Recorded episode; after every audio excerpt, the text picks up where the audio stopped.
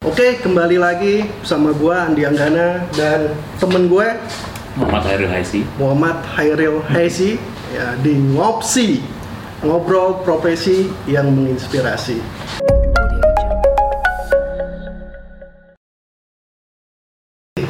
Kali ini gue ketemu temen lama gue dari 2003 ya. 2003 SMA Nah, itu gue temen SMA gue, Ail.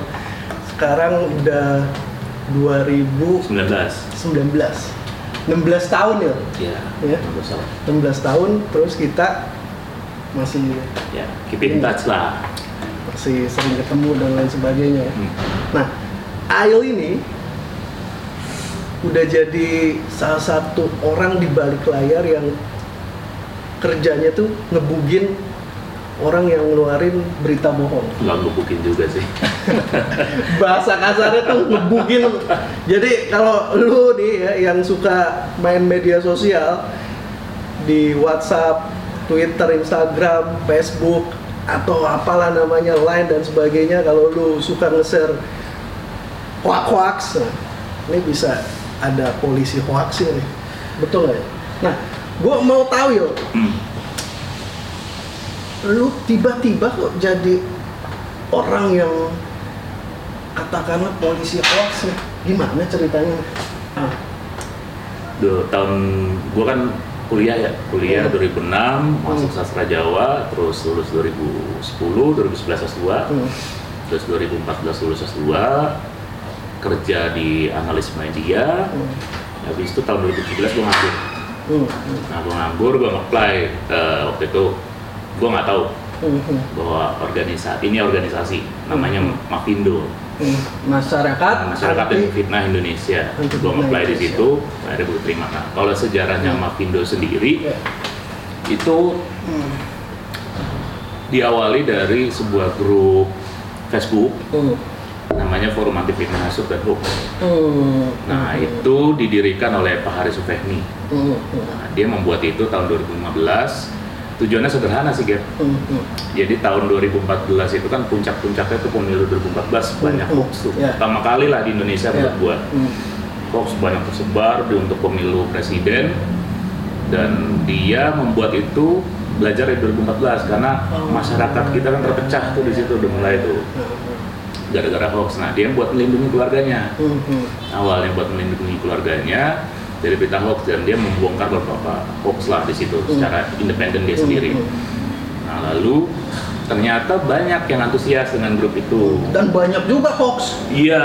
Iya kan? Dia banyak juga dan antusias. Akhirnya di situ dia melihat juga ada beberapa komunitas lain Hmm. yang tapi secara digital ya, Hmm, eh, yang aktif juga membongkar hoax. Akhirnya empat komunitas lah ada FFA tadi, Forum. Anti Fitnah Hasut dan Hoax, ada Indonesia Hoax eh, Community, Hmm. ada Indonesia Hoax Buster dan Hmm. satu lagi Skoci. Ada empat ini.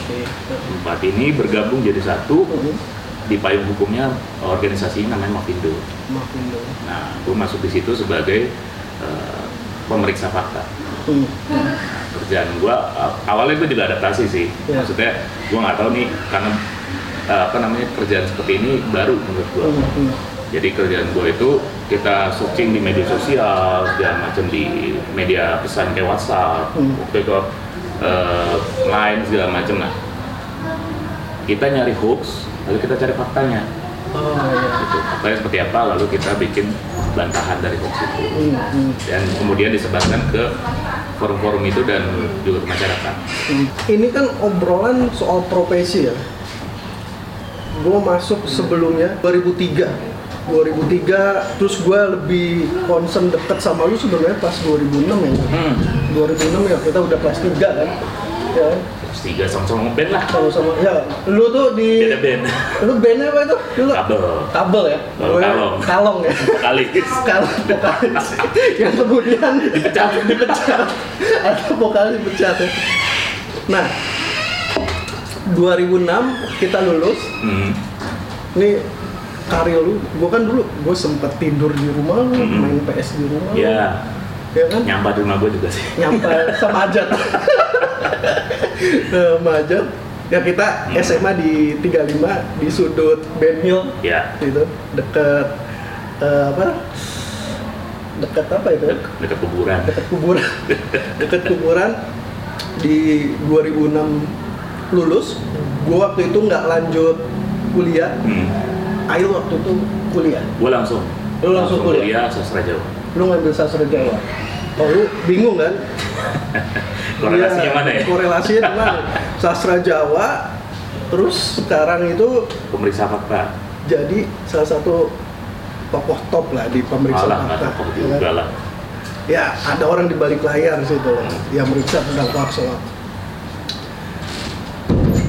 Nah, di 2006 itu lu kenapa lanjut di sastra Jawa? Lucu sebenarnya gitu. Kenapa? Jadi gue waktu kita lulus SMA itu, gue nggak ada keinginan kuliah. Jujur. Oh, ya. Gue nggak kepikiran kuliah. Terus kan waktu itu lagi asik-asik ngeband ya. Hmm, Gue pengen ngeband dah. hmm, Tapi satu malam bokap gue ngajak ngobrol. hmm, Lu harus lanjut. hmm. Karena kita nggak pernah tahu ke depannya gimana. Dan Indonesia, kita bicara Indonesia pendidikan itu masih dilihat.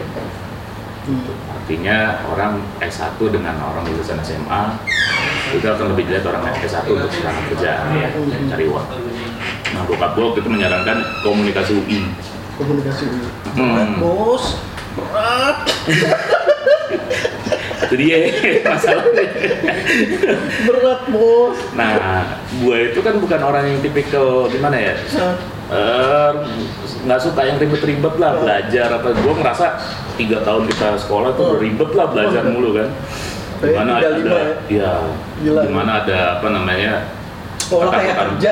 ya ketakutan ketakutan inilah lu nggak lulus Iya. wah udah selesai masa depan Dan itu dulu 2006 itu awal mula UN. Iya. Lu tau nggak? UN yang ini yang nggak ada ulangnya UN yang nggak ada ulang Iya. dan itu stres banget. yap Stres banget. Hmm. Gua aja sampai kalau nggak lulus nih gimana nih? Udah selesai. Lo harus ke paket C. Hmm. Ah, gila itu. Itu dan diuji coba di angkatan kita. kita yang hapus Nah, terus Nah, gue kan ngelihat juga teman-teman tuh, wah pada sibuk les apa segala macem, terus eh, apa namanya ngambil browser swasta kalau negeri nggak terima masuk. Hmm. Gue males ya ribet-ribet ya. Hmm. Gue mikir apa yang gue sekali ujian masuk. Hmm. Nah, gue denger-denger kan dari senior apa segala Hmm. macem. Ada nih jurusan yang lo ikut SPB itu namanya SPB. Ah. Eh, ikut SPB sekali lo nggak usah pusing-pusing deh lo jawab asal juga lo masuk apaan gua tanya kan sastra Jawa kedua gua pilih Hmm. pilihan pertama komunikasi UI pilihan kedua sastra Jawa UI itu jauhnya be. jauh Komunikasi sastra Jawa. iya Ya. nah dan gua jujur nggak belajar sama sekali Ya. Karena udah pasti masuk. gua nggak kepikiran ke sana sih bukan bukan berarti meremehkan, tapi waktu itu ya baru dibuka. enggak Oh enggak, lama. udah udah Itu- udah lama, udah sebenarnya lama. sastra Jawa itu banyak yang nggak tahu bahwa itu termasuk salah satu jurusan yang agak tua di UI Oh, dia dulu itu masuk ke sastra Indonesia Oke. cuma akhirnya memisahkan diri, Hmm. akhirnya sastra Jawa. Nah, gue waktu itu males belajar, sampai gue bokap gue bingung, gue mau SPB, gue gak pernah buka buku, gue main PS mulu, segala macam kan. Ya. Terus ya udah gue ujian juga seadanya, bahkan lo bayangin, dulu kan ada apa ujian IPS-nya, logikanya, Ya. ada matematiknya kan. Matematika gue cuma isi satu cuy, Iya. satu soal gue isi, habis gue tidur. Serius. Ka- Karena dulu kan yang penting lu ngisi yang lu bisa kan. Iya. Kalau lu nggak bisa ya jangan diisi daripada salah minus. Ah, Ya. nah, gue isi satu, gue lihat yang lain gue nggak bisa tuh matematik kan, udah nyerah gue, Ya. karena memang lemah gue di hitung-hitungan. Ya udah, pasrah, balik terus dengan dengan apa namanya, dengan gue nating tulus, artinya memang gue nggak mau kuliah awalnya. Terus sekitar seminggu ya kalau nggak salah, seminggu pengumuman nama gue ada di koran. Oh, lu, lu ada tuh. Ada, gue Peringkat ada berapa? Peringkat berapa? Nggak, itu kan nggak peringkat, cuma Enggak. nama doang. Oh, namanya. Nama dan nomor ujian. Ah. gue nama gue udah girang kan bayangan gue komunikasi Iya. gue liat sastra Jawa lolos ya oh ya udah nggak apa-apa deh gue kuliah ternyata di situ pas kuliah di situ wah gap gue kebuka sih pikiran gue jadi kita ini Indonesia tuh bisa dikatakan negara dengan budaya yang banyak ya Hmm, hmm. jadi ada berbagai macam suku lah Hmm. bahkan bahasa daerahnya sampai 700 lebih Yes. gitu. Gue ke, ya gue di situ wah ternyata Indonesia ini bukan bangsa yang bisa diremehin gitu. Hmm, hmm. Di situ gue banyak belajar juga banyak juga eh, paham bagaimana bersosialisasinya secara kultural dengan orang Jawa segala Hmm, macam dan hmm, hmm. Jujur Hmm. gue nggak ada dari Jawanya Nggak ada lo. Iya. Tapi pun lu ada susah paling bahasa ya Jawa. dikit lah gitu Lu lu daerahnya apa bang?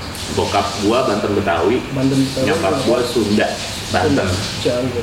Eh Jawa juga ada dikit lah. ya cuma gua nggak pernah akrab dengan bahasa Sunda bahasa Jawa nggak pernah denger sekalipun zaman sekolah zaman kecil segala macam nggak pernah denger apa itu wayang segala macam Gue dulu ngebayangin ayo masuk sasa Jawa ini dia mau jadi dalang. Apa? apa dia mau bikin keraton sendiri ya? kan gue ngebayangin gitu ternyata wow ya. Terus Ya, lu masuk masuk gua belajar tuh. Gamelan belajar wayang belajar terus bahkan gua baru tahu di karya sastra Jawa di puisi Jawa khususnya itu ada mocopat terus ada parian apa segala macam dan gua baru tahu di situ kan. Hmm.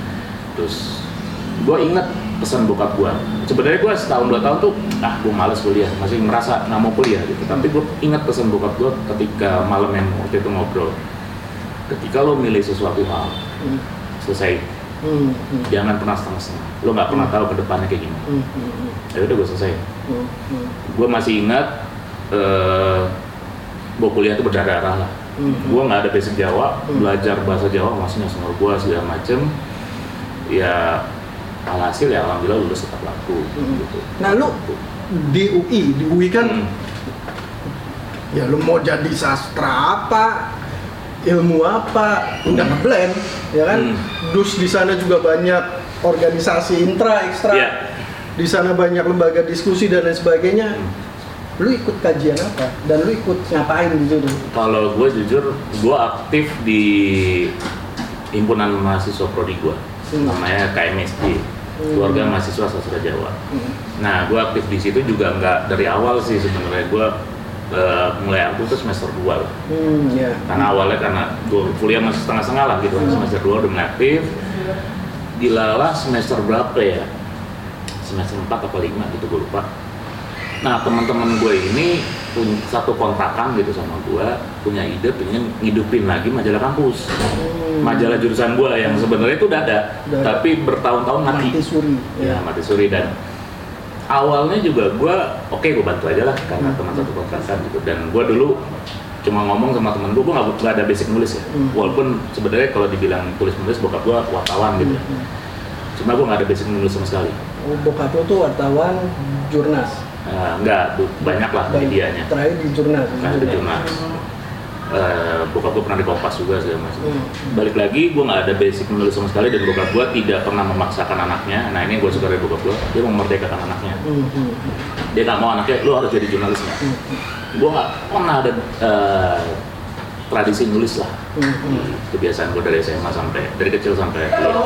Sampai di semester itu gue cuma bilang sama temen gue megang rubrik karya mahasiswa aja ya gitu Hmm. jadi kan itu cuma ngumpulin doang gitu loh bayangan gue nah yang diincer itu sebenarnya dia di ada satu orang cewek eh, kebetulan akhirnya jadi bini gue Ya.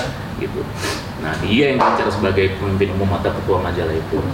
Nah, pas kita rapat, rapat ngomongin struktur segala macem, bini gue ini dia bilang gue mau aktif di Hmm, jadi gue nggak bisa ada jabatan double. hmm.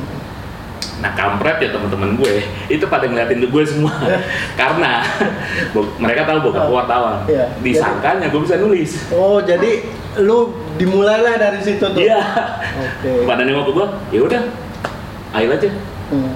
anjing gue udah deh gue kan udah pada sepakat segala gue padahal udah nolak tapi udah ya udah sepakat akhirnya di situ gue jadi pemimpin umum atau ketua ketua majalah itulah dengan segala dinamikanya gue bisa nulis akhirnya walaupun berantakan dari situ mulai pelan-pelan akhirnya gue dapat magang nulis di media lokal di Depok Dan lu kalau gue boleh tahu hmm. pernah juara esai? ya Ya. dulu pernah Pernah juara esai ya? itu lucu jadi ceritanya lucu jadi menjelang gue lagi skripsi Esai apa tuh? Esai. Jadi eh, dulu acara itu Walk of Wayang. Hmm. Nah, itu ada lomba esai tentang eh, apa namanya mengkritisi kultur kultur Jawa yaitu wayang. Hmm. Nah, jadi gue melihat eh, di lomba itu intinya lo bikin tulisan bagaimana lo bisa me- mengkritisi budaya Jawa khususnya wayang ini untuk bisa dikembangkan. Hmm. Nah, gue sederhana sih pikiran gue eh, jadi dosen gue pernah bilang kalau kita ini Indonesia itu orang Indonesia suka salah kaprah. Jadi kita itu beranggapan bahwa budaya itu dilestarikan. Tapi sebenarnya yang, benar harusnya budaya itu dikembangkan. Biar apa? Kalau dilestarikan dia hanya, di- hanya sebagai objek. Tidak melekat dalam diri kita. Tapi kalau itu dilestarikan apa dikembangkan itu berarti kan perkembangan zaman pun akan budaya akan mengikuti perkembangan zaman. Jadi sebenarnya salah nih ya. Di gue pernah ngeliat tuh, gue liputan-liputan Hmm. di kementerian-kementerian lestarikan budaya, Ya. lestarikan budaya. Nah ini harusnya buat kementerian juga nih harus paham nih Iya. bahwa budaya ya harus dikembangkan. Kalau dilestarikan tuh kayaknya jadi benda mati benda mati ya. jadi kayak budaya kan hidup ya. aja gitu padahal Budaya- budaya itu kan hidup selama manusianya itu hidup, hidup gitu Dan setiap zaman ada budaya Nah, sendiri. contoh konkretnya Ah. itu Jepang sama Korea Oke. Nah, iya. jadi mereka apa teknologi berkembang tapi nggak meninggalkan budayanya Hmm, hmm, karena lebur air budayanya dengan perkembangan teknologinya hmm, hmm. gitu nah di situ gue nulis gue mengkritisi menurut gue cerita wayang karena waktu itu gue suka dengan cerita wayang ya Hmm. ketika masuk Hmm, hmm. harusnya menjadi concern Ya. kenapa menjadi concern Indonesia nggak punya superhero Oke. oke lah ada kayak Gundala segala macam cuma anak zaman saat itu Hmm. Itu tidak mengenal lah kurang kurang sedikit mengenal mengenal lah Hmm. dan sampai tahun 2000 Padahal sekarang Gundala dijadiin film. iya baru baru Ya mulai kan Padahal itu udah lama kan. itu dari kita belum lahir cuy Gundala Putra Petir tuh Dan itu kebudayaan kita, ya, bagian dari kebudayaan. bagian dari kebudayaan kita. karena itu kan kebudayaan bisa masuknya ke ya budaya Indonesia produk budaya Indonesia lah Hmm. nah gue berpikiran kenapa nggak imaji dari wayang ini dimodernisasi gitu gue berpikiran seperti Bentuknya? itu bisa apa pun maksudnya kayak Superman tapi ngambil imaji dari Gatot Kaca misalkan Hmm, hmm. ya kan itu sebenarnya Superman dan Gatot Kaca kan nggak jauh beda Hmm, hmm. sama-sama bisa terbang sama-sama anti peluru terus sama-sama kuat lah sebenarnya Dan yang paling beda itu ya kalau Gatot Kaca mungkin celana dalamnya di dalam, Superman di, di luar. sekarang Superman celana dalam di dalam ya Oh sekarang sadar dia udah sadar, udah sadar. salah nih sama Oh iya. iya. Nah, dan sama-sama punya satu kelemahan. Kalau Superman itu kan terkena, Ah. kalau Gatot Kaca itu dia punya apa namanya senjata punta sebagai kelemahannya dia. Ah. Gitu. Nah, gue kritisi itu, gue bilang ini harusnya toko wayang bisa dong dimodernisasi, gue tulis gitu segala macam sekitar tiga halaman. Jadi lu akhirnya juara esai. Ya, ya yang tadinya masuk yang penting masuk Iya. terus di ujian matematika cuman satu do- soal doang. Itu juga nggak tahu bener apa Nggak tahu bener kan? lu jadi juara esai dan megang buletin hmm. waktu itu. Ya kan? Terus lu empat tahun apa berapa tahun nih? Pas empat tahun. pas empat tahun. IPK terakhir 3,11. anjir IPK 3,11 Ya, itu kan susah di UI ya harus diakuin susah sih. ya? Iya. harus diakuin susah. Nah, terus ada hal menarik ketika lu di yang kemudian ngebuat eh ini connect nih sama karir lu saat ini setelah lu esai, lu buat buletin, buat buletin susah bos. Ya, itu juga babak belur sih gua sama anak-anak. Dulu zaman dulu tuh kita ya sampai keluar kocek sendiri lah Hmm. gitu. Karena semangatnya yang penting kita berkegiatan. Hmm. Pikiran gue cuma sama teman-teman itu. Terus gara-gara buletin itu, gue akhirnya dapat kesempatan magang Di mana? di apa namanya koran lokal gue lupa. Hmm. Sekarang udah mati sih koran lokalnya. nah itu kita magang ngisi rubrik mahasiswa di situ Hmm. dan bisa dikatakan itu gaji pertama gue. Oke. Lu Masih dapat gaji berapa? Tiga ribu. Tiga ratus ribu zaman 2008 2008 2009 zaman 2008 oke lah. Ya lumayan lah buat bantu-bantu dari kontrakan gitu kan cuma ya per bulan tiga ribu lumayan buat gue lah Oh. gitu tiga ratus ribu terus gue lulus nah tapi ada proses nih Gap sebenarnya Ah. gue tuh nggak pernah pengen jadi wartawan seperti bokap gue Kenapa? nggak pernah pengen karena bisa dikatakan eh, menjadi wartawan tuh beba, apa, bu- ada tanggung jawab lah kepada Hmm. publik kan Hmm. dan bahkan eh, jarang ketemu anak Hmm, hmm. dan gue melihat gue nggak mau lah gue jadi wartawan karena ya itu ribet lah tanggung jawabnya kan gue nggak suka yang ribet-ribet kayak tadi kan gue nggak suka milih yang ribet-ribet Hmm. segala macem lalu gue tertarik pengen jadi dosen sebenarnya Oh. ya gua nggak ada pikiran lulus kerja apa lulus kuliah langsung kerja nggak Oke. gua natepin gua lulus kuliah S2 Oke.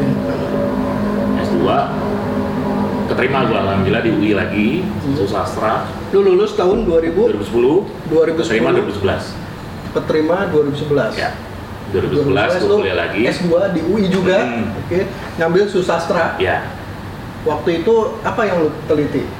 gua akhirnya ngambil penelitian tentang apa namanya aliwahana namanya kajian Hmm. jadi aliwahana eh, Ramayana ke film opera Jawa Nyadarin Hmm, hmm. nah banyak yang salah tangkap nih opera Jawa opera Panjava ya Hmm. padahal itu beda bahkan dosen gua juga nganggapnya itu sama Iya. lucunya itu dos- dosen gue di situ Oh. nah gua ngambil analisis itu aliwahana karena masih jarang gue lulus 2014 agak mundur sih karena memang aturan di UI itu ketika lo neliti itu harus ada sumber primer asli nggak boleh bacakan Oh. Gue cari di mana-mana Hmm. sumber aslinya itu cuma ada di Amerika. CD-nya tuh DVD-nya cuma ada di Amerika dan gue harus mesen tiga bulan bos Tapi bisa. mundur gue tesis gue gara-gara nungguin itu doang Nah, Nah, yang gue mau kulik lagi gini ya. Lu kan di sastra Jawa ya. Hmm. Ada berapa orang satu angkatan lo di situ? Waktu itu. bisa dikatakan 2006 itu generasi kedua yang memecahkan rekor banyaknya angkatan di sastra Jawa Berapa? kita masuk 40 40 orang. ya tadinya itu cuma paling banyak 15 15. Paling banyak.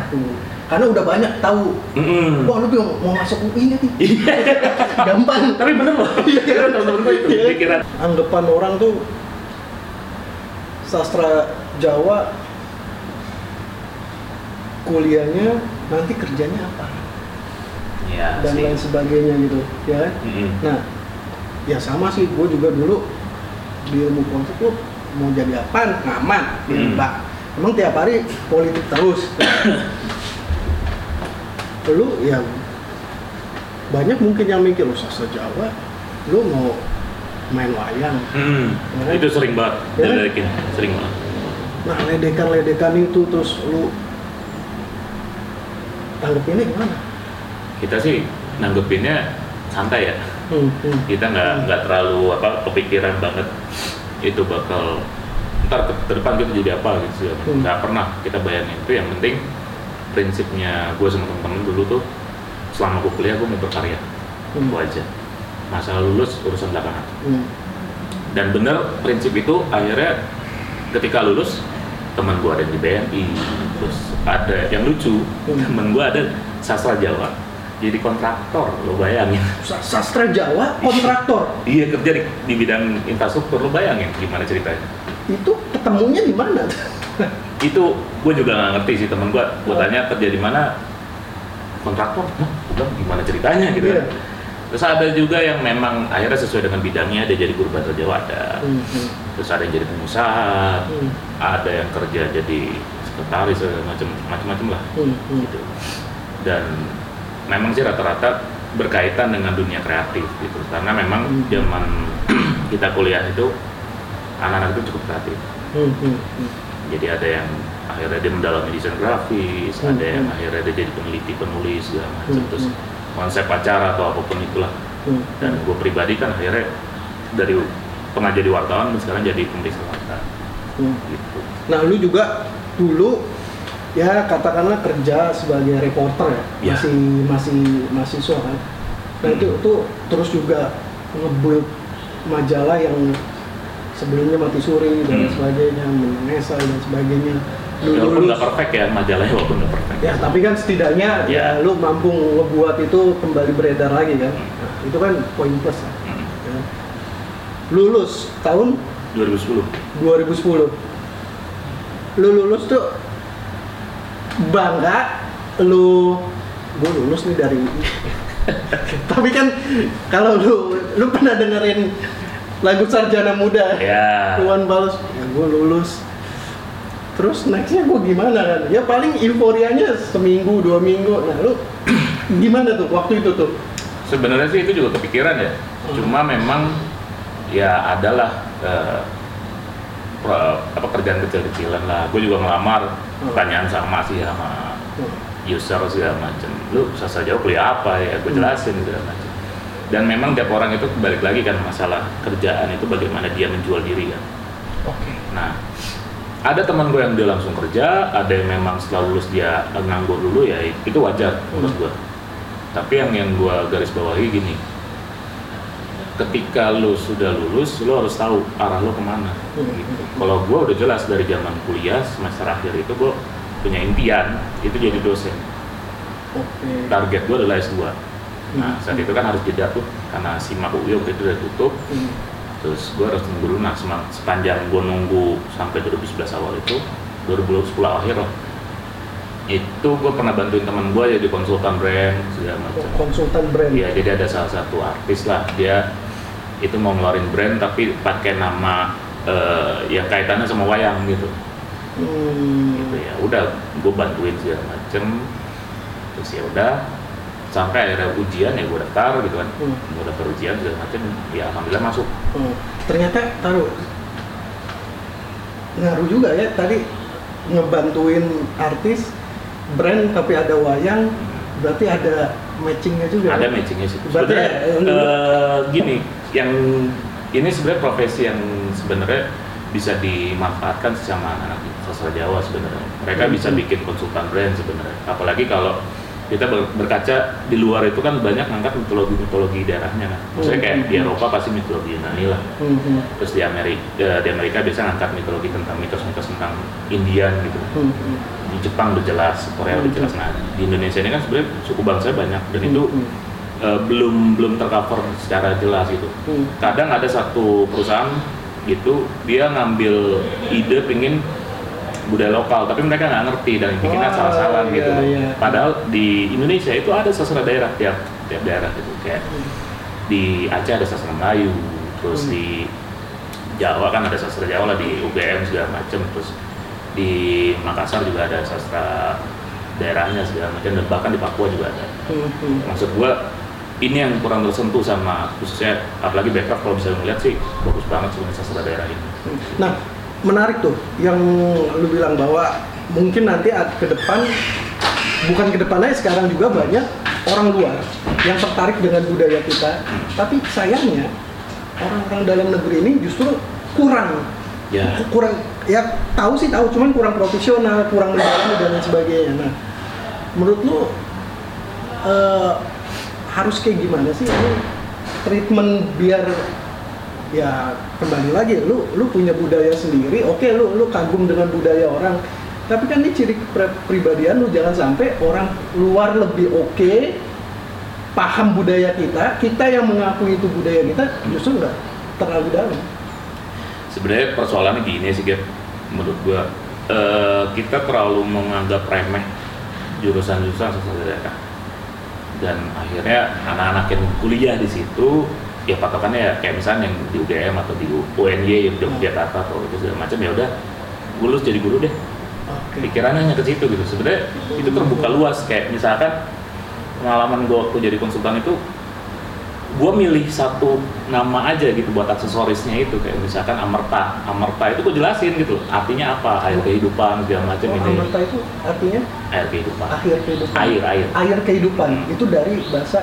Itu dari mitos wayang. Mitos wayang. Seingat gue gue agak-agak lupa ya. Hmm. nah terus kayak misalkan cakra cakra itu kan senjata kresna segala Hmm. macam kayak gitu gitu gue jelasin gue gue presentasi segala macam gue ini sih jadi punya nilai punya nilai sebuah sebenarnya. brand yang entah itu simbolnya Hmm. namanya, dia punya nilai Hmm, Nah, itu yang yang menurut gua kurang diolah sih. Maksudnya juga beberapa, Hmm. mohon maaf banget sih, kayak di jurusan gua juga dulu, gua nggak tahu sekarang nih kurikulumnya seperti apa. Cuma dulu, ya udah lu lulus, ini gua kasih pelajaran ini Iya. ini, ya udah. Iya. Gitu. Yang penting lo bisa bahasa Jawa, yang penting bisa ini. Hmm.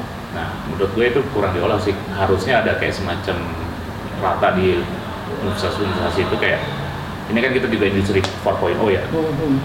Ini lo bisa ngakuin ini bisa ngakuin ini gitu. Ada pendidikan ke sana gitu. Jangan sampai kita ngeraba-raba sendiri gitu. Dan untuk segi dari apa yang sosialnya menurut gua orang-orang sastra daerah ini sangat bagus untuk di misalkan kayak dia diutus di daerah misalkan kayak gue di sastra Jawa gitu. Hmm. karena gue udah belajar budayanya ketika gue diutus sama satu perusahaan ke daerah Jawa gue udah bisa ngadepin orang di sana dong Hmm, logikanya. hmm, hmm. atau misalnya sastra Aceh gitu sastra Melayu diter- ditaruh di Aceh gitu sebagai misalnya kepala cabang atau dia harus tahu dong logikanya. Kan itu bisa dimanfaatkan Yes. sebenarnya. Nah, yang kemudian lo punya cerita bahwa temen lo jadi jurnalis Hmm. mau nembus narasumber ya tapi semua jurnalis susah nembus narasumber dia dia dari sastra Jawa akhirnya deketin security pakai bahasa Jawa dianggap teman dia nggak masuk malah Ma- masa ya, itu kan sebenarnya aset Mm-mm. aset yang bisa dimanfaatkan Iya. untuk keuntungan lu kan dibanding yang lain kayak misalkan gini teman gue itu dia eh, skripsinya tentang jamu Hmm. dia nggak dia baca naskah dia jelasin di situ jamu resep jamu jadi naskah itu resep jamu Hmm. itu kan kalau misalnya kita berpikir kreatif ini kenapa nggak gue bikin produknya aja gue udah tahu resepnya kan gitu dan itu sama aja juga mengembangkan budaya loh logikanya dari Sebenarnya. sisi bisnisnya ada profit cuma kan memang eh, kesadaran itu Hmm, nggak hmm, nggak muncul Hmm. maksudnya nggak ditanamkan gitu Hmm, dalam kurikulum Hmm. Nah, lulus kuliah S2 tahun 2014. 2014. Lu pernah di Akar Padi kan? Ya. Di Akar Padi itu salah satu eh, apa ya media Media analisis. media online atau media Media online. media online yang cuma basic fokusnya basic core-nya itu dia bukan hot news Bukan hot news. apa ya hot news bukan hot news tapi dia lebih ke analisis news Hmm, hmm. jadi gue bikin tulisan itu kalau yang lain kan pendek-pendek ya Oh. gue minimal sama redaktur gue almarhum itu minimal tiga halaman empat Hmm, hmm. baru diterima dia dan gue harus menganalisis peristiwa tuh. Lo harus observasi. Suasana di sana harus lo gambarin dalam tulisan nggak cuman lu ibaratnya doorstop dapat quote-quote singkat. Nggak nggak boleh gue jadi gue kalau wartawan nunggu di depan kominfo gue keliling. Lu rutin? Gue keliling buat tangkep suasananya segala macam. Bahkan ada satu peristiwa kalau nggak salah taksi ekspres gitu ya. Oh. dia ngerasa ditembak sama intel jadi ada bukti selongsongnya. Gitu. Gue gue dengerin gue rekam cuma gue rekam gitu kan. Segala macam terus akhirnya gue tulis dalam bentuk naratif yang yang yang lumayan. Menurut gue itu cukup panjang sih gue jadi dua tahun di Akar Padi kolaps. Tahun berapa tuh? 2017 awal itu bangkrut. Kenapa bang Nur? karena selama 2016 itu eh, bisa dibilang persaingan keras ya. Hmm. jadi ya karena itu perusahaan baru dan Hmm. dia juga masih kecil. Hmm. Ya kalah sama yang gede-gede lah. Nah berarti lu bangkrut, eh, gila juga nih gue nganggur dong. Terus? Ya gua ada freelance sih waktu itu alhamdulillah. Ah. tapi nggak gede lah gitu. Cuma freelance apa? nulis di Kuiper Blog Oh. nulis di Kuiper Blog biasa itu kan bimbel online. Hmm. jadi kayak gimana kita nasihatin anak SMA segala macam masalah kuliah masalah apa sih kayak gitu gitu gue bertahan dari situ sama proyek terakhirnya proyek terakhirnya Karpadi News waktu itu jadi analis media di Kemenhub Hmm. Jadi selama satu tahun dari 2017 Januari sampai Desember itu proyek terakhir ya Hmm. cuma kan gue dari Januari itu pendapatan gue yang tadinya tiga setengah UMR Hmm. turun drastis jadi per bulan cuma 2 juta Dua juta. 2 juta kadang sejuta kalau misalkan gue artikel paper yang nggak sampai target Itu lu udah nikah? udah Udah nikah, nikah tahun berapa? 2015 2015. Nikah dengan seorang jurnalis. Ya bini gue dulunya di Gatra Ya. terus pas nikah Dekat ini dong, sa- satu alma mater sama gue. senior lo malah Oh, senior gue.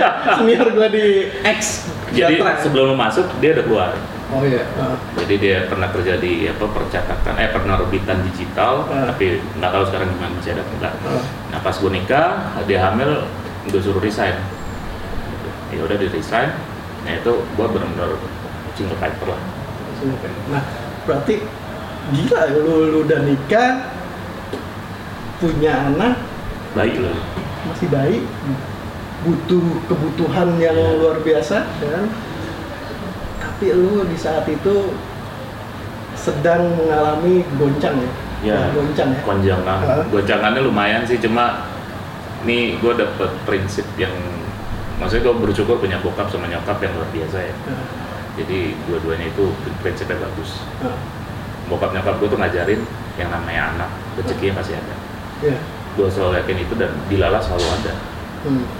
jadi dua gue nganggur itu Januari sampai Lebaran Itu lagi 2017 awal lu lagi susah-susahnya. ya Punya anak, istri, dan pas bulan puasa minggu terakhir anak gue masuk rumah sakit lu bayangin Kenapa? Eh, keracunan keracunan susu formula karena ternyata susu formula itu kan nggak boleh kena udara ya Hmm. nah itu ada bolongan dikit gue nggak lihat di mana uang masuk rumah sakit harus bayar 5 juta DP-nya DP-nya.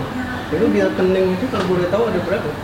waktu itu sisa di rekening 500 ribu dan gue belum dapat bayaran dari freelance gue ataupun dari project pelayanan terpadi mertua gue belum turun remunerasinya Boleh. orang tua gue juga belum ada uang saya belum mengalami gangguan juga beberapa hari pas kan dari vonis dokter kan harus masuk gitu kan Hmm.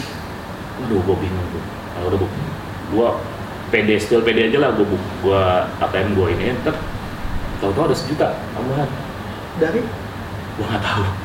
Gue nggak mikirin sejuta ya udah gue ambil sejuta kan 750 gue ambil sejuta 500 jadi sisa 250 ribu. Dan hari itu mertua gue pas banget hari itu. Remunerasinya turun. PNS kan mertua gue hmm. udah gue DP dulu kok seadanya. Dirawat sehari nyok apa nyokap gue nelfon habis transfer. Duit apa duit eh, pensiunnya turun. Itu kan rezeki anak kita nggak pernah tahu. Dan anak gue yang, di, yang harusnya rawat lima hari itu sembuh dalam waktu tiga hari. Padahal kerjaan waktu itu agak kusut. banget Kusut. Hmm. Lu S2 kerjaan kusut Ya. dengan ditimpa begitu, diam. ya gue Jatuh sejatuh-jatuhnya. ya dan habis itu kan sebenarnya udah panggilan dari Mafindo ya cuma gue adalah gitu Ah, Oke, sebelumnya itu lu tahu kan nih Enggak. apa? Lu, lu ngelamar aja, yang penting gua kerja. Enggak. Atau gimana? gue sistemnya waktu itu ada lowongan yang kaitan dengan tulis gue hajar kirim gue kirim gue nggak mikirin dari mana pun Lempar nasib lah. Ya. dan kalau seharusnya kita curiga ya karena lowongan di Mafindo itu lucu sebenarnya Ah. jadi ditulisnya itu penulis writer garis miring editor garis miring garis miring banyak konten writer garis miring Merangkap semuanya. banyak gitu kan dan spesifikasi minimalnya SMA waktu itu gue bingung Oh, kan SMA? Iya. Hmm. Minimal SMA dan syaratnya cuma minimal SMA, bisa menulis, bisa ngedit, terus siap bekerja shift, terus siap juga bekerja di bawah tekanan. Syaratnya itu. Harusnya logika kita curiga dong. Ah. Cuma gue Ini bener gak sih ini? Nah, gue bodo amat, gue, gue lamar udah. Karena beberapa perusahaan yang gue lamar itu gue ditolak mulu kan. Ya gue tahu sih alasannya kenapa karena mereka jiper sama S2 gue. Oke. Hmm. Kan bayangan di Indonesia perusahaan kalau S2 itu minimal gaji 10 juta. Hmm. Nah, ya udahlah gitu gue lamar anak gue masuk rumah sakit setelah setelah balik dari rumah sakit itu seminggu telepon gue wawancara gini gini oh siap gue jalan gue jalan dengan harap-harap cemas sih semoga inilah maksudnya gue kerja di sini gitu Hmm. karena gue udah nganggur cukup lama kan berapa bulan wawancara terus segala macem nanti kalau misalnya dipanggil ya biasalah Hmm. Jadi, ya udahlah kalau kayak jawaban kayak gitu biasanya nggak lolos kan. Hopeless ya, Hopeless hopeless lah. harap-harap cemas. Tapi dengan dengan nggak tahu kenapa di Hmm. hati gue itu yakin gitu loh, Bim. Hmm. Eh gue keterima. Gitu karena gue ngeliat kayak gue ngerasa udah udah kayak gue akan di situ gitu loh. Hmm, hmm. Terus selang dua minggu masuk minggu ketiga Agustus, eh seminggu ya seminggu minggu ketiga Agustus ditelepon kamu lolos ya untuk ini segala macam Eh, dari tiga dari 40 orang gue lolos 15 besar Hmm. Oke, gue datang lagi. Gue lucunya gue yang wawancara pertama gue lupa ngasih CV gue. Iya, Ya. gue lupa ngasih Awalnya CV emang lu nggak suruh ngasih Hanya di job street aja CV. Oh. Dan dia juga lupa yang wawancara gue minta CV gue. Terus Lucu, tapi berarti lu dikira masih S1 atau SMA? enggak. Dia udah tahu Oh, udah spesifikasi gue, cuma gue nggak ngasih CV secara fisik gitu. Hanya CV di job street kan cuma Hmm. ya keterangannya nggak terlalu banyak lah. Tuh, karena gue dipanggil kedua ya gue bawa dong CV gue. Cuman berderet yang tadi Iya. pengalaman-pengalaman. Mohon maaf mas, kemarin saya lupa CV saya ini. Oh. Oh, iya, makasih saya juga lupa kalau dia mintanya. itu lucu makanya gue bilang. Iya. Terus ngobrol-ngobrol-ngobrol soal gaji gimana. Mas, saya nganggur dari Januari. Hmm. Terserah mau gaji berapa, yang penting saya kerja. Ya, lulusan S2 sedang ketir-ketirnya ya ya karena tadi punya anak punya Ya. istri ya ini perjuangan bos dalam kehidupan lu nggak tahu lu harus sampai gimana tapi waktu itu yang penting gue ini aja dah Nah, akhir Agustus dia telepon. Mas keterima ya? September nggak kerja. Wah, gue seneng bukan main. Gue telepon bini gue. Alhamdulillah ketemu. Segala macam dan enggak enggak berarti yang pas awal terserah mas mau gaji berapa penting saya butuh pekerjaan terus akhirnya pas gue masuk hari pertama dijelasin dulu dong. Bahwa gue profession tiga bulan, gaji profession gue dua setengah. dua setengah juta Ah, profession. Ya udah dari situ gue bilang ya nggak masalah, yang penting gue ada bulanan deh. Gue masih bisa ngejar pakai freelance kan. Udah gue kerja aja rutin tiga bulan gue buktiin dikasih challenge gue kerjain segala macem. Pas udah tiga bulan pacaran lagi apa dipanggil kan. Mas eh, sudah tetap nah setelah ini gaji mas masih juga kaget gue dua kali lipatnya iya gue kaget. Dua kali lipatnya cepet. Serius nih gue kan serius juta. Itu cepet bos. Tiga tiga bulan ya kan? Tetap langsung. alhamdulillah gue tetap dan langsung tetap gitu. Loh di atas UMR Iya, gue shock juga sih maksudnya. Gue nggak nyangka-nyangka bahwa lowongan kayak gitu gitu loh Hmm, hmm. di job street yang gue kira bercanda ternyata real gitu. Hmm. Pilek pilpres. Ya. Wow. Pilek pilpres. Pileknya udah ribet, Ya. ya. Pilpresnya tambah ribet. Nah, lu sebagai masyarakat anti fitnah Indonesia itu banyak ngebugin orang-orang yang main hoax dong. Hmm. Ya. Sebagai polisi hoaxnya nih Bisa dibilang polisi enggak sih pengawas aja. pengawas ya pengawas hoax parahnya se- seberapa parah sih di pilpres yang Gimana ya? pileg yang lalu tuh pemilu Bisa dibilang berdarah-darah sih sekarang. hmm. Cuma bedanya dengan 2014 masyarakat Indonesia sudah lebih siap. Hmm. Artinya Mafindo sudah ada, Hmm. gitu kan. Mafindo sudah ada dan kita juga kolaborasi dengan media kan. Hmm. Jadi pemeriksaan fakta tuh berjalan terus Hmm. setiap hari. Jadi kita juga melakukan edukasi ke masyarakat secara public campaign, terus kita ngadain salah sehat di beberapa daerah, Hmm. eh, diskusi lah kita ada. Ayo dong jangan gunain hoax segala macam. Terus kita kasih training buat masyarakat. Ini kalau punya apa kena hoax eh, mau ngeliat berita nyari berita benar gini loh caranya. Gitu. Hmm. Ya lumayan sih berdarah-darah dua kubu lah. Kalau kita bicara pilpres ya 01 02 simpatisannya ya sama aja menurut gua. sama aja ya. jadi sama aja tuh Dua-duanya main hoax masalah. dua-duanya main hoax 01 02 ya simpatisannya ya. simpatisannya Nah, ya akhirnya banyak tuduh- tuduhan ke, ke kami kan. Hmm, hmm. Kalau kita bongkar hoax yang menyerang 02, kita dibilang kampret. Hmm. Hoax yang menyerang 01 kita bongkar, kita bilang cebong. Makanya bos gue itu direktur pemeriksaan Ah, fakta itu ah. ngomong kita ini eh, ras ras baru. apa Namanya kecempret, kecebong kampret.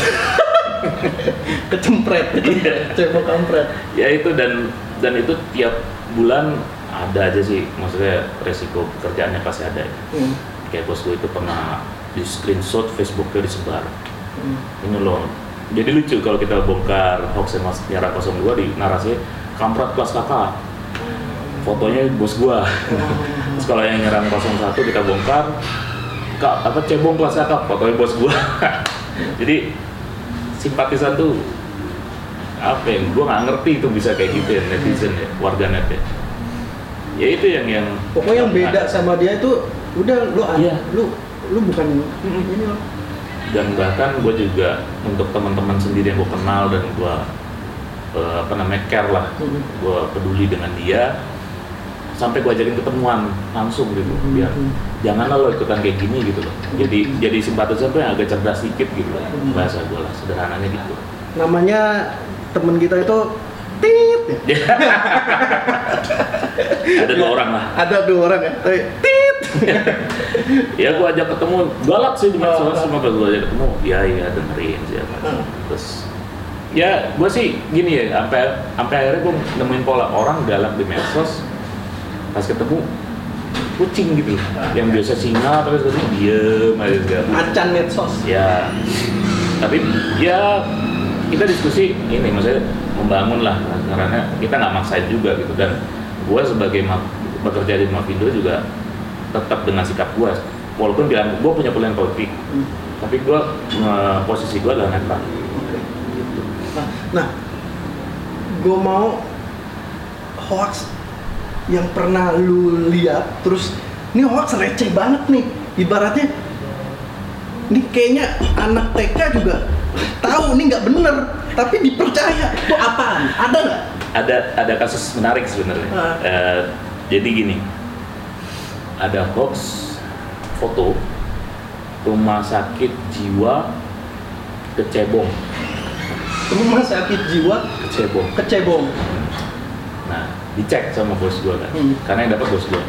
Ternyata itu eh, aslinya adalah rumah sakit jiwa di, di Medan. Namanya namanya itu rumah sakit jiwa Mahoni. Diubah Mahoninya ditutup jadi kecebong kecebong. tapi itu nggak lama kemudian muncul rumah sakit jiwa kampret. Dengan gambar yang sama. Gila kan? Itu receh loh dan kelihatan sebenarnya itu editan tapi banyak yang percaya. Tapi sebagai pemeriksa fakta kita harus punya data. Ini hoax karena apa? Nggak bisa oh itu karena editan hmm, harus ada jelas dan akhirnya bos gue itu pakai Google Maps pakai Street View dan kebetulan ke capture sama Google di situ hmm, nama rumah sakitnya segala macam alamatnya hmm, hmm. dan kita gunain itu dan banyak yang kita bantah itu malah tetap masih nggak percaya Oh, gitu. Gitu. Nah, tadi hoax receh. Ini hoax terdahsyat yang satu parameternya masif. Hmm. Masif itu luas banyak. Hmm. Seluruh daerah Hmm. tahu tuh eh, penyebarannya lah. Terus sentimennya parah banget. Itu apa? kalau yang menyerang 01 itu ada yang paling berat itu jadi satu narasi postingan itu ada 23 hoax Eh, ada 23 klaim di situ Hmm. dan gua sama teman-teman sampai keroyokan Hmm. jadi kita ada berlima sama bos gue berenam itu keroyokan membongkar itu. Karena apa? Di dalamnya ada hoax ada disinformasi ada fakta ada misinformasi segala macam. Itu kita keroyokan sekitar dua hari berkelar. Dan apa namanya? Kalau dari kubunya Pak Prabowo itu yang masalah video tepak tangan jadi video itu hanya di bagian pas Pak Prabowo itu nepak. Dibilangnya nepak rakyat. Nepak ibu-ibu bahkan ada narasi yang seperti itu. Ternyata pas kita lihat video lain ya? Video lainnya enggak dia lagi ngebilangin ajudannya dia ajudan atau apalah Oke. kayak semacam apa Itu rame tuh kan. Ya. Digiring. dan kayak itu kan orang poli- polisi dari polisi ya Hmm, hmm. dia sampai bikin video klarifikasi bahwa Pak Prabowo itu nggak nempak warga Hmm. tapi nempak dia gitu Hmm. ya itu bahkan sampai ada beberapa tokoh yang nyebarin itu Gitu. Jadi tokoh-tokoh yang sebenarnya secara intelektual eh, punya kedudukan yang oke, ya bisa dibilang lu informasinya pasti lengkap ya.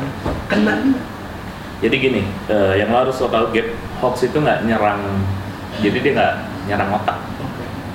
Orang sepintar apa pun bisa kena hoax. Hmm. mau dari cuma hanya lulusan TK sampai S3 itu bisa kena hoax. Karena dia nyerang langsung ke masalah eh, perasaan emosi. Hmm, hmm, hmm, jadi orang kalau udah terlalu emosi nyebar aja udah nggak pakai mikir. Hmm. gitu dan pas udah nyebar baru pak sorry saya hilaf segala macam. Dan Hmm.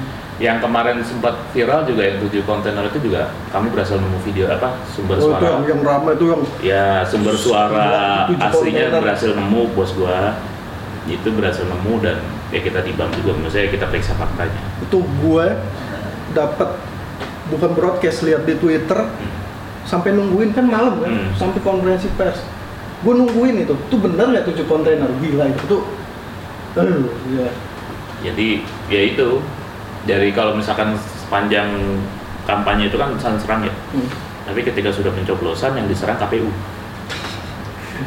iya iya nggak ada yang bisa diserang lagi ini nyerang KPU. wasitnya Iya, KPU Nah. dan yang nyerang juga simpatisan 02. Aduh.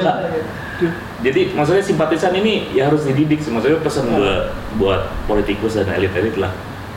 Didik dong simpatisannya gitu loh. Hmm. Jangan kayak gini terus mau sampai kapan.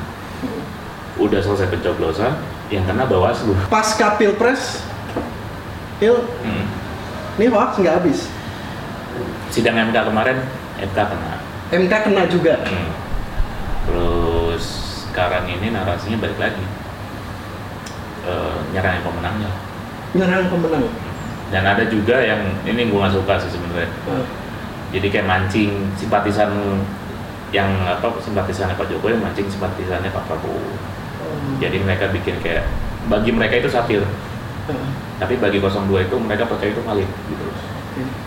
dan itu makanya kita hajar karena memang ini berpotensi eh, disebarkan sebagai dalam tanda kutip hoax lagi kan Oh iya. dan kalau kita bicara kategorisasi sebenarnya satir itu masuk Hmm, Ke dalam tujuh- satir. Tujuh tujuh kategori disinformasi dan misinformasi itu masuk. Heeh. Jadi cuma ya, memang nggak berbahaya sih satir sebenarnya. Tapi karena ada potensi di- dipercaya sama pendukungnya Pak Prabowo kita hajar. Hmm, dan kategorisasi berubah bukan jadi satir lagi. Hmm. tips singkatnya deh supaya orang nih, gue juga sering dapat broadcast ya, entah di di WA pun sering dapat sama teman baik gue sendiri, keluarga dan lain sebagainya sering dapat informasi-informasi yang belum jelas tapi udah disebar. Nah tips singkatnya sih gimana sih ngindarin kita nih biar nggak jadi kita oke lah kita nggak pembikin, tapi bisa jadi kan kita penyebar. Ya, nah, tips singkatnya gimana? Ya paling kalau dari gue pribadi sih lu jangan kalau ngeliat berita tuh jangan tahan jempol deh gitu loh Hmm. maksudnya. Wah, lu jangan langsung langsung emosi lu bener cari cari dulu di Google ada berita pembandingnya nggak? Terus yang kedua, kalau misalnya isu itu besar, harusnya media nasional meliput kan. Hmm, Kalau media nasional nggak ada, lu cari media alternatif ada nggak? hmm, Kalau nggak ada juga ya bisa jadi hoax. hmm, Dan yang ketiga itu kita harus selalu kepala dingin, hati dingin. Maksudnya Hmm. santai ngadepin segala sesuatu dan kalau dari Mavindo sih kami terbuka datanya ya Hmm. bisa dicek di tumbehoax.id di aplikasi Hoaxbuster Tools cek aja di situ hmm. segala macam dan gua rasa juga hal yang paling penting adalah kalau lo nggak yakin itu valid jangan lo sebar itu aja Oke.